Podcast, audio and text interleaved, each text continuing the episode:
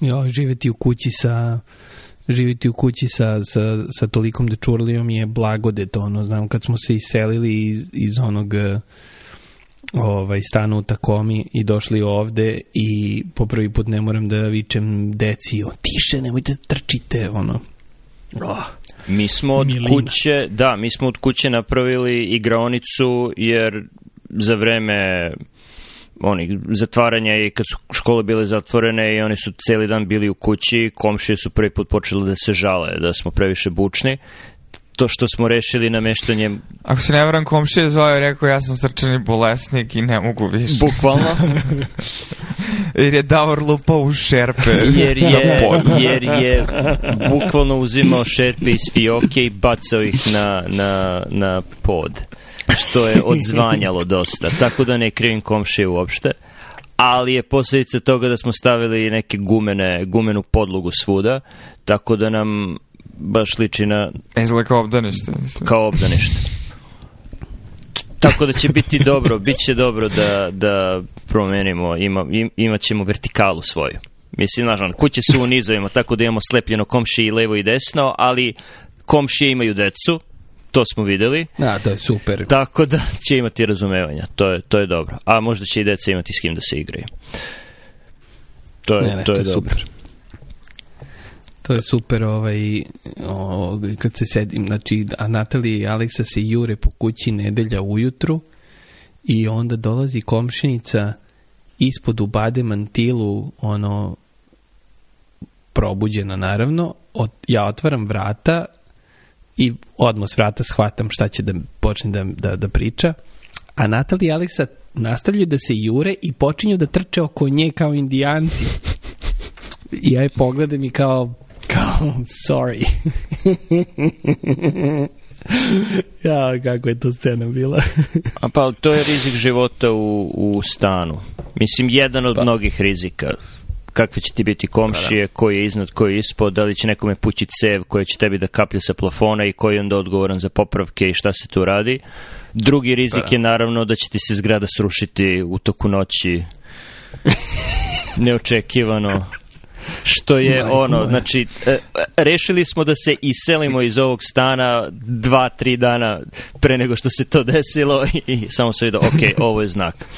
Ova zgrada je pravljena 60-ih, duše nije izložena e, morskom vazduhu, tako da se nadam da je cement i beton, pardon, da je beton bolji u temeljima nego što je bio u ovoj zgradi na Floridi, ali jeste malo nagnuta zgrada, gleda, gleda ka ulici, tako da, da bolje da se preselimo Naš- bliže tlu.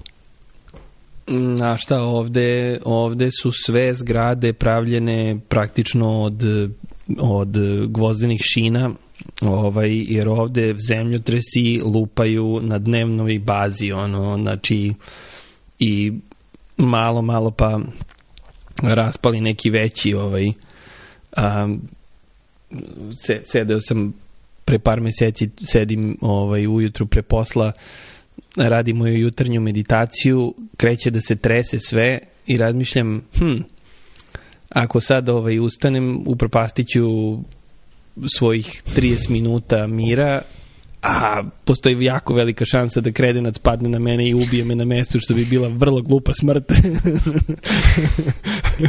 Ali bi imao doživotni mir, ne samo 30 minuta. da, da, da, da, onda je bio doživotni mir. Tako da je ovde cirkus nekada. To je problem sa novim materijalima. Vidiš, to me...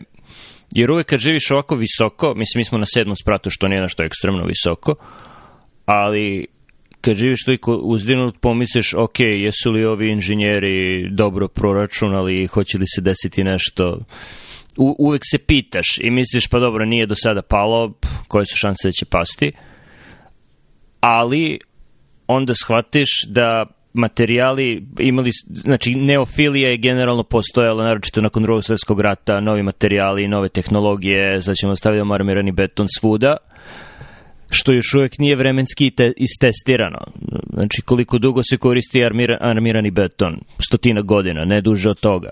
Tako da mi ne znamo da li zgrade koji koriste armirani beton mogu da traju duže od 100 godina, dok znamo da zgrade koje koriste beton bez armature, Partenon na primer, mogu da traju par hiljada godina, to nije problem, to je, to je u redu.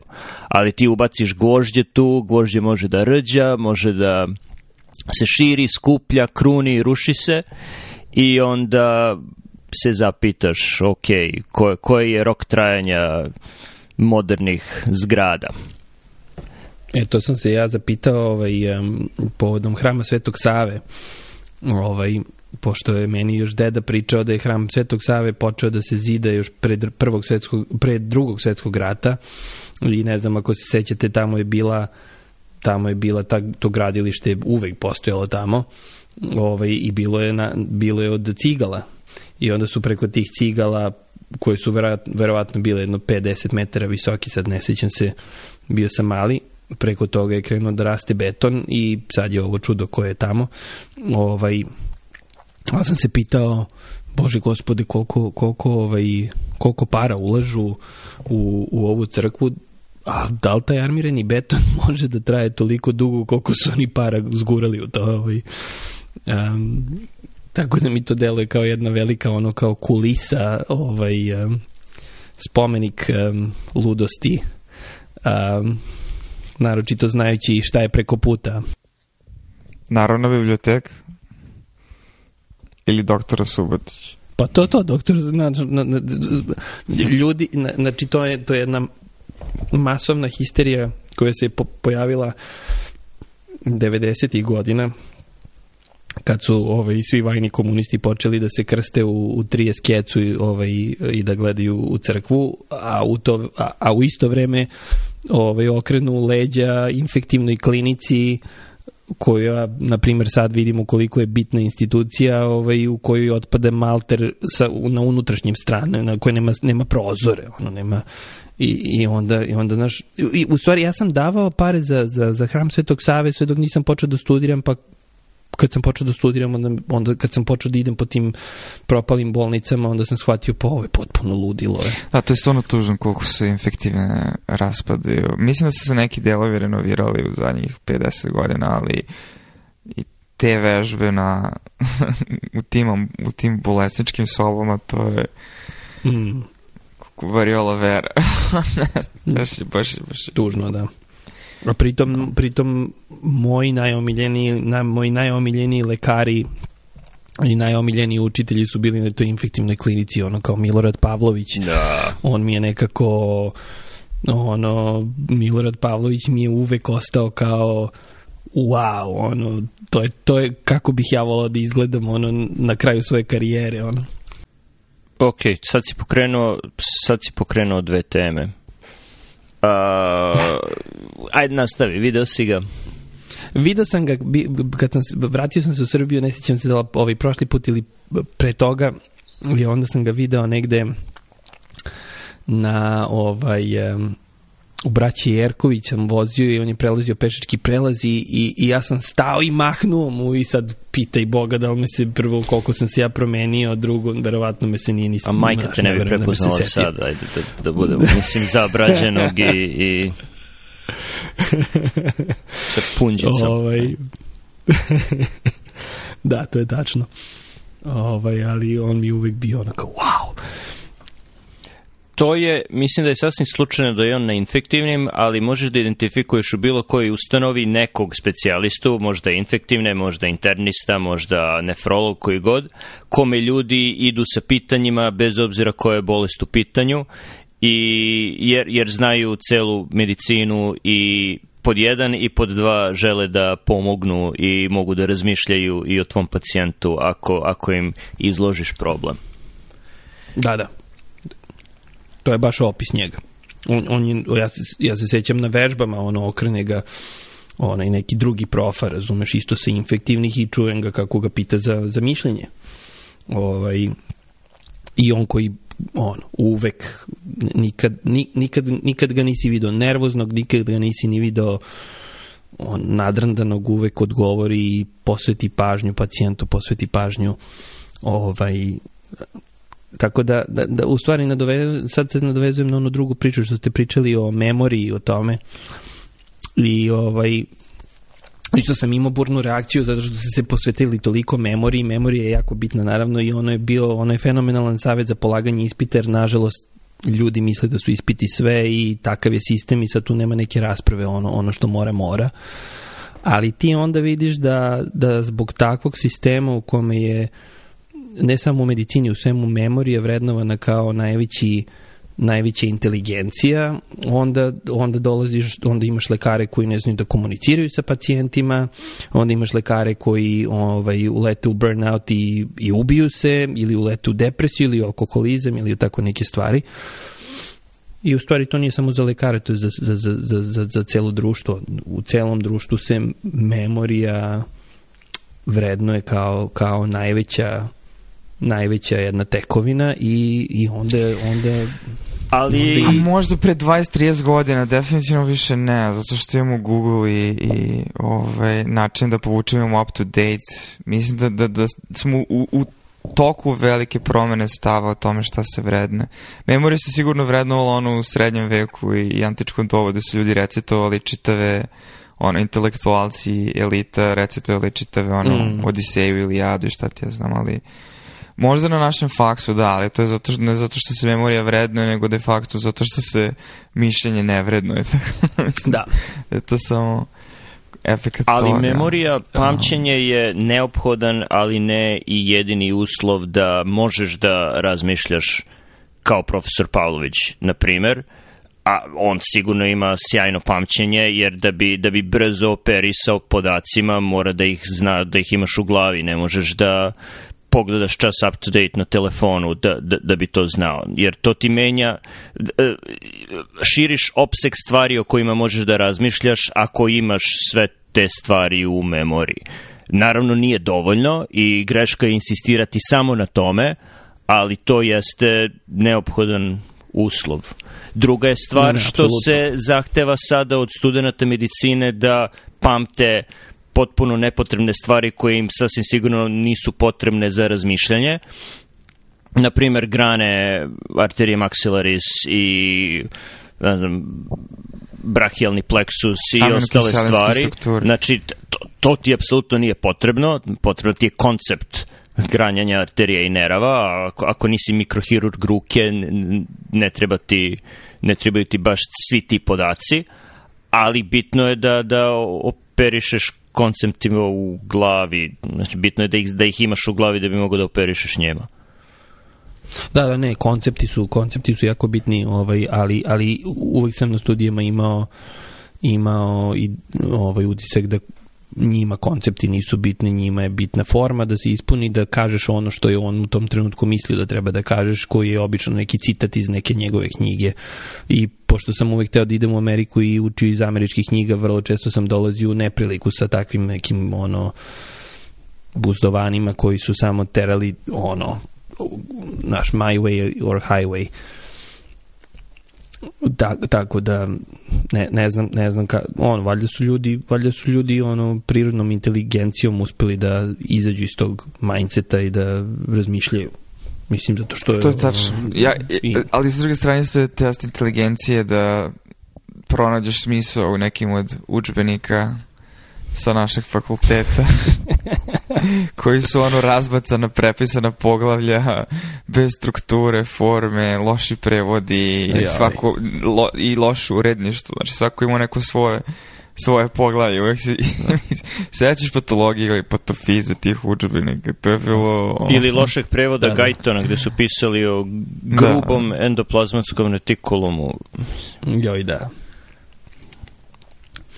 Da. Ne, ne, strašno. Mislim, mislim da u stvari u principu ono sloboda ono studenta medicine leži u tome da nauče engleski i da ga da da je naprosto ignorišu, da ignorišu.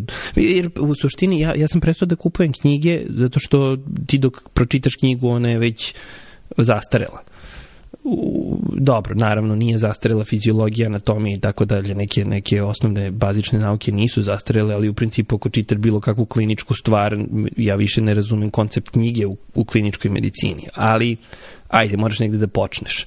ali ako ćeš da počneš onda uzmi poslednje izdanje Harrisona ili onaj Cecils ili tako nešto i uči iz toga internu medicinu, nemoj se glupiraš sa ono, ne, nekim besmislicama. To je tačno.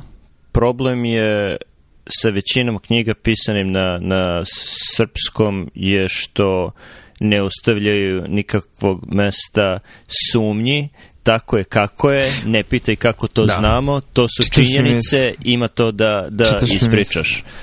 A, Upravo, to, je, da, da. to je problem bio sa patologijom, patofizom, uopšte nisu opisivali kako znamo to što ste napisali, nego eto, to je tako, to je, to je Bog je rekao. Bo, da. Sletelo je s hrama. Što je veliki problem u kliničkoj medicini gde moraš puno da operišeš nesigurnošću i da, da donosiš odluke na osnovu nedovoljno informacija. Mm. Mislim, to je klinička medicina. Da. I onda da pratiš da li su posledice koje slede posledice tih odluka ili nečega drugoga, a ne znaći gomilu drugih promenljivih nekoliko dana kasnije nakon intervencije koju si uradio na osnovu nedovoljnih informacija. Da, i ti nakon, nakon I, šest godina, pa, ali nakon šest godina medicine ti to ne znaš. Ja to nisam znao kad sam završio faks, ne. kad sam diplomirao, ti nemaš pojma da je to tako. Mislim, možeš da naslutiš, dok ne počneš da radiš, ne, ne, ne vidiš kako to u stvari funkcioniše i onda gledaš unazad i misliš pa dobro, jesu li ti profesori znali to, a nisu hteli da kažu ili nisu znali, pa nisu mogli da kažu i ne znaš šta je ta dva gore. Da. U svakom slučaju nije dobro. ne, pa ne razumem, ne razumem, ne, ne, mislim, znamo kako funkcioniše sistem u Americi, naprosto ceo sistem se oslanja na uh, specijalizante, znači specijalizanti su ti koji prve vide prvi vide ovaj pacijenta i koji zovu konsultanta da ga pitaju za savet i konsultant trči ako je ne, neko, ono, ne, neko čudo se dešava. Um, onda um, hirurgija koja je čist zanat, razumeš, koji je ono kao apprenticeship, koje, koje ovaj, imaš majstora i imaš šegrta i, i tako se prenosi znanje.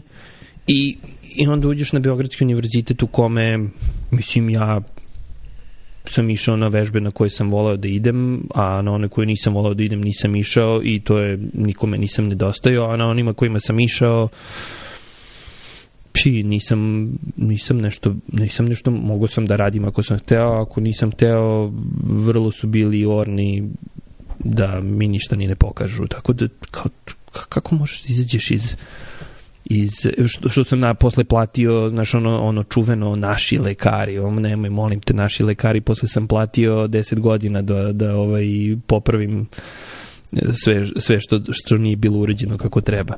Ovaj, tako da, da, da mi uopšte nije jasno kako, kako taj sistem, taj sistem treba mi jedna kompletna reforma ono, da, da, bi, da, bi, da bi iz toga izlazili neki kršteni ljudi ono na kraju studija. Inače, inače, inače će da mi treba 200 godina da, da, da, da dođu do nekog radnog nivoa.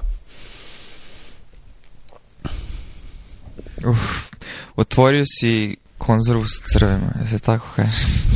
Pandorinu kutiju. Mm -hmm. Da. Teško. Ne znam, da mislim da Miloš je dobro podvukao da postoje svetli primjeri, pogotovo u kliničkoj medicini, um, koji žele da te nauče, ali mm, da. definitivno tokom studija na medicinskom fakultetu Univerzitetu u Beogradu neće se naučiti onako možda ako budeš pratio nekog ko je zaista specializovan, ali de facto ćeš učiti stvari kojima se oni bave i nećeš moći da razlučiš šta je od toga nešto opšte primenljivo, a šta je vrlo usko vezano za specializaciju. Ono što je najbitnije u stvari da znaš kako da vidiš pacijenta prvi put, kako da vidiš pacijenta drugi put, mm -hmm. kako da pratiš pacijenta kroz dane, nedelje, mesece. To je nešto ne postoji na našem fakultetu. Znači ja sam uvijek nekako doživljavao da kada vidiš pacijenta na internetu, to je kao da si u nekom muzeju i, i onda ti profesor ili asistent kaže evo ovdje imamo pacijenta s lupusom idite uzmite istoriju, sad ćete vidjeti kako lupus izgleda. Evo ovdje imamo pacijenta s ovim, sad ćete vidjeti to i onda tako vidiš pacijenta kao jednu fotografiju mm. kao voštenu figuru u vremenu i ništa ne naučiš. Mislim, pričaš s njima, ali ništa, ništa ne izvučeš iz toga. Mislim, pogotovo što nemaš nikakvu ulogu u timu, tako da, da naravno da nećeš da naučiš ništa kada ne, uopšte ne, ne, ne prezentuješ te pacijente, to nije nikome ni bitno. Tako, da, da. Da, da ne, apsolutno, apsolutno. Moram da napravim ogradu opet, ja, ja sam završio faks 2008. To je sada već 13 godina. Sljedeće godine će mi biti 20 godina mature. Jej. A, tako da ne znam kakva je sad situacija na fakultetu. Možda je bolja. Sumnjam, ali možda. Ali čini mi se da je tu problem što se upisuje veliki broj studenata sa kojima sistem ne zna šta će, jer u Srbiji de facto postoji manjak lekara, ali postoji još veći manjak para da se ti lekari plate, znači ne, ne, nemaš, mm. nemaš sredstva za rad, niti imaš para da ih platiš, zato ima toliki broj neplaćenih volontera i zbog toga se pretpostavljam stvara cinizam među uh, nastavnim kadrom koji ne vidi ni svoju poentu, jer mislim šta ima da im pričam, šta će ne da rade da sede na birovu, vise po kafićima ili iz, izađu iz zemlje. Uh, i zašto bih onda ja njima bilo šta pričao? Uh, čast izuzecima. I to što je nastava bila loša, pretpostavljam da je još uvek loša, ne znam, ča, čast izuzecima. Uh, mislim da je to posljedica toga. Mislim, to je, to je sistemska, sistemski problem. Mm. I mislim da je rešenje da. tog sistemskog problema a, poboljšanje financijske situacije u zdravstvu, ali pitanje onda odakle te pare uzeti i kako ih efikasno ubaciti u sistem jer je on bušan na sve strane i znam da ljudi ovde koji kažu ok, sad imamo dobotvornu fondaciju koja hoće 20.000 dolara da potroši na ne znam nija šta u Srbiji, moraju da gledaju kao sokolovi gde te pare da, da. idu, na što se troše i kako se ti aparati na kraju koriste da ne bi završili u nečoj privatnoj ordinaciji. Bo ja se sećam, bila je donacija u Beloj crkvi kad sam ja tamo radio i bi, bili su neki da švedski, norveški mam, mamografi mamogrami, odnosno mamogram mašine. Mamografi, da.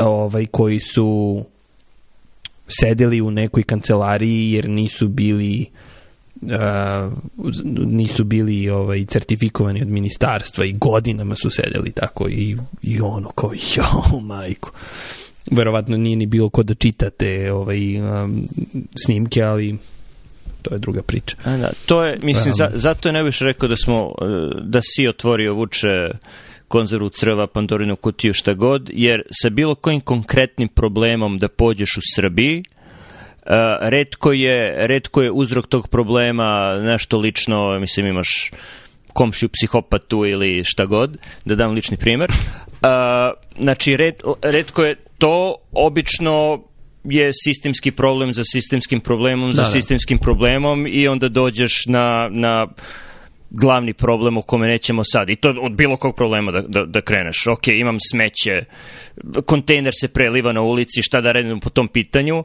Nije zaposleni u, u gradskoj čistoći se napio pa nije ispraznio kontejner, nego je problem sistemski u gradskoj čistoći, a taj sistemski da. problem u gradskoj čistoći je posledica sistemskog problema na nivou grada, što je posledica sistemskog problema na nivou i sad idi, idi, idi dalje, prati taj niz.